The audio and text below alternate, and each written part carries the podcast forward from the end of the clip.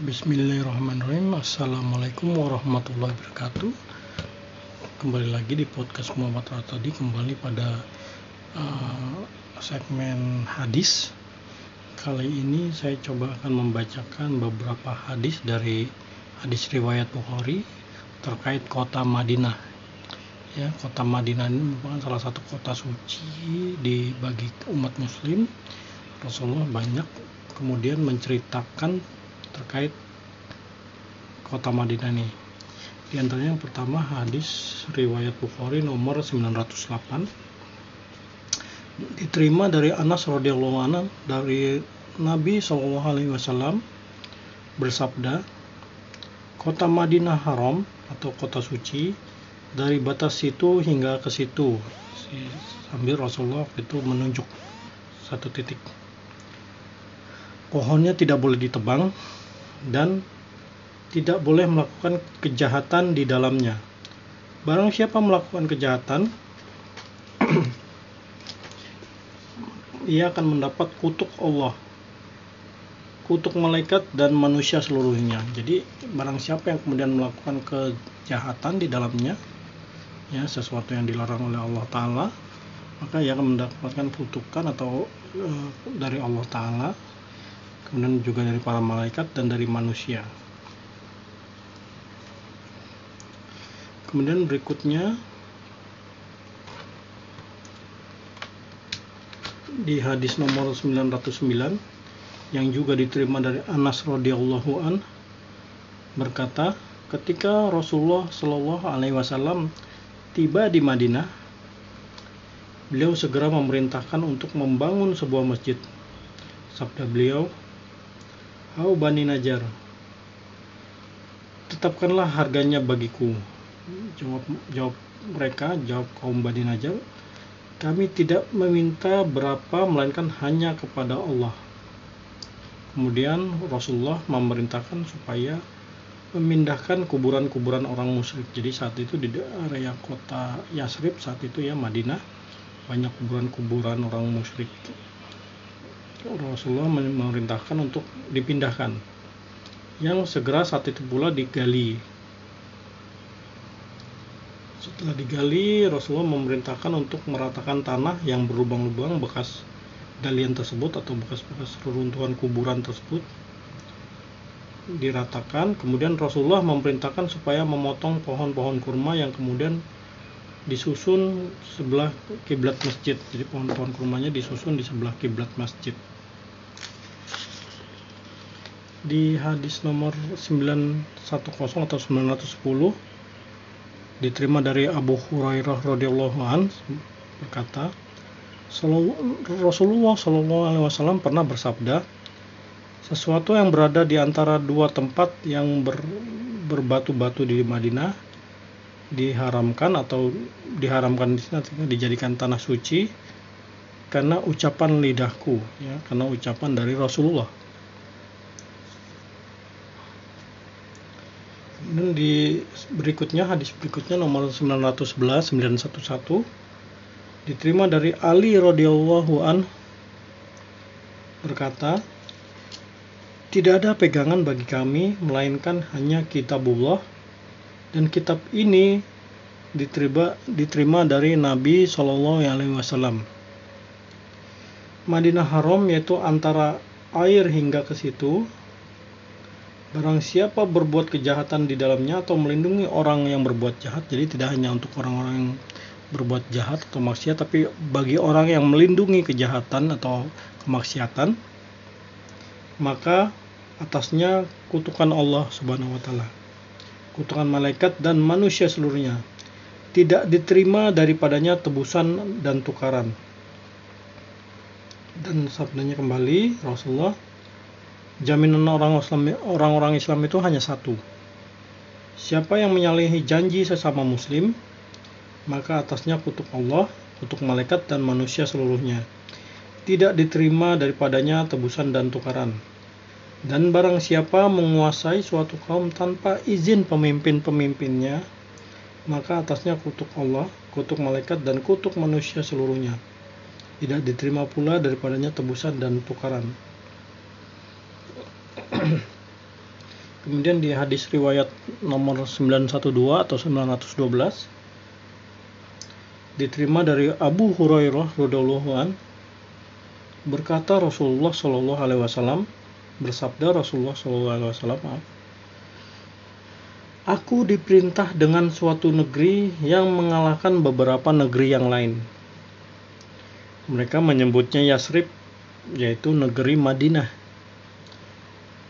yang membersihkan manusia sebagai warna dapur perapian tukang besi menghilangkan segala karat-karat besi jadi diumpamakan Madinah itu kota yang membersihkan kotoran-kotoran dari penghuninya kotoran-kotoran hati. Laksana perapiannya pandai besi atau tukang besi itu membersihkan kotoran-kotoran yang menempel pada besi atau karat.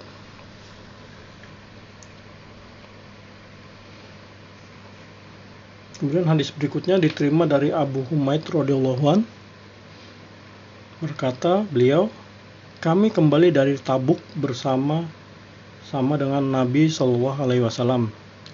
Kemudian kami hampir sampai di Madinah. Beliau bersabda, inilah Tobah atau Toba, artinya negeri yang baik. Kemudian dari dari Abu Hurairah radhiyallahu an berikutnya di hadis nomor 914 beliau mendengarkan Rasulullah pernah bersabda Madinah akan ditinggalkan mereka atau penduduk dalam keadaan yang baik tiada lagi yang mengunjunginya kecuali awaf yaitu binatang-binatang buas dan burung-burung orang terakhir yang meninggal ialah dua orang penggembala dari suku Muzainah Keduanya pergi ke Madinah menghalau kambing mereka, maka didapatinya di Madinah binatang liar. Ketika keduanya sampai di Bukit Wada, keduanya jatuh tersungkur. Jadi ini hadis ini tentang akhir dari kota Madinah ya. Rasulullah sudah memberi gambaran. Hadis berikutnya nomor 915 diterima dari Sufyan bin Abu Zuhair radhiyallahu an berkata beliau mendengarkan Rasulullah Shallallahu alaihi wasallam bersabda negeri Yaman ditaklukkan maka datanglah ke sana suatu kaum menghalau ternak mereka membawa keluarganya dan para pengikut mereka sedangkan Madinah lebih baik bagi mereka kalaulah mereka tahu dan negeri Irak ditaklukkan maka datanglah ke sana suatu kaum menghalau ternak mereka, membawa keluarga serta para pengikut mereka.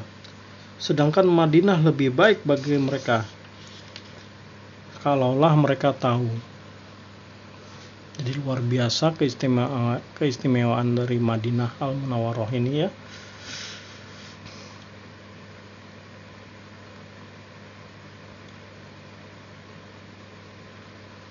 Salah satu keima, keistimewaannya juga disampaikan dalam hadis nomor 916 diterima dari Abu Hurairah radhiyallahu an Rasulullah bersabda Sesungguhnya iman bakal meluncur ke Madinah sebagaimana meluncurnya ular ke dalam sarangnya. Jadi sangat iman kota Madinah ini dipenuhi dengan keimanan. Ya, layaknya seekor ular meluncur ke sarangnya sangat lincah sangat gesit sangat lancar ya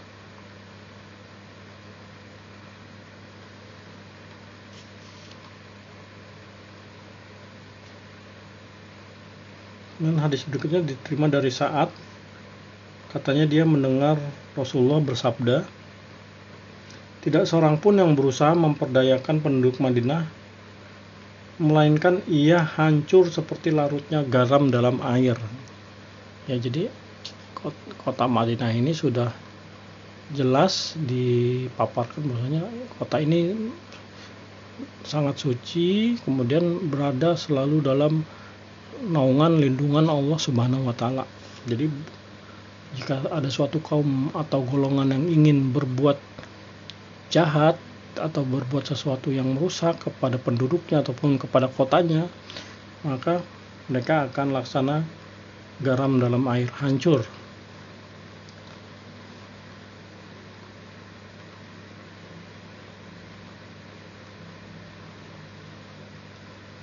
Nah, kota Madinah ini juga sering diceritakan terkait fenomena akhir zaman seperti yang dikatakan atau dipaparkan pada hadis riwayat uh, Bukhari nomor 198 diterima dari Usama radhiyallahu an berkata Rasulullah pernah bersabda Rasulullah pernah memandang ke salah satu benteng dari benteng-benteng di Madinah. Lalu beliau bersabda Adakah kamu melihat apa yang kulihat? Sesungguhnya aku melihat tempat terjadinya fitnah di sela-sela rumah penduduk seperti tempat jatuhnya hujan.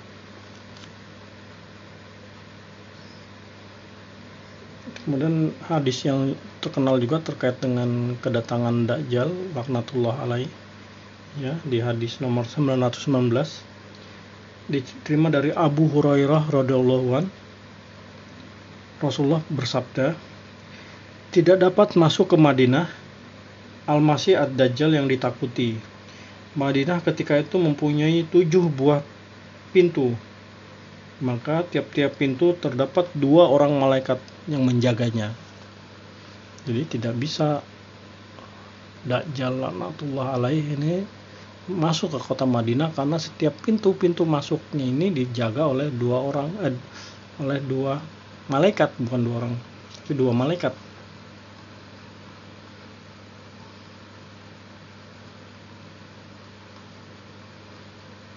Bukan hanya da dajjal tapi penyakit taun wabah juga tidak bisa masuk ke kota Madinah ya. Ini menarik ya dengan kondisi pandemi seperti ini. Uh, kalau menurut hadis riwayat uh, Bukhari ini nomor 920 diterima dari Abu Hurairah radhiyallahu an. Rasulullah pernah bersabda di jalan-jalan masuk ke Madinah itu ada malaikat. Karena itu tidak dapat masuk ke dalamnya penyakit taun atau penyakit menular wabah dan tidak pula dajjal. Baik itu aja sekilas beberapa hadis terkait kota Madinah. Sebenarnya banyak sekali hadis yang bisa saya bacakan di sini. Saya bisa share tapi sementara itu yang saya sampaikan semoga bermanfaat. Semoga kita semua yang mendengarkan podcast ini berkesempatan menjejakkan kaki di kota suci Al Madinah Munawaroh ya. Kita bisa satu tanah satu permukaan dari baginda Rasulullah SAW Salam dan salawat selalu kita tujukan kepada baginda Rasulullah. Semoga kita semua menjadi umatnya yang kemudian kelak di hari akhir mendapatkan syafaat beliau. Amin amin ya rabbal alamin. Terima kasih sudah menyimak. Wabillahi taufiq. Wassalamualaikum warahmatullahi wabarakatuh.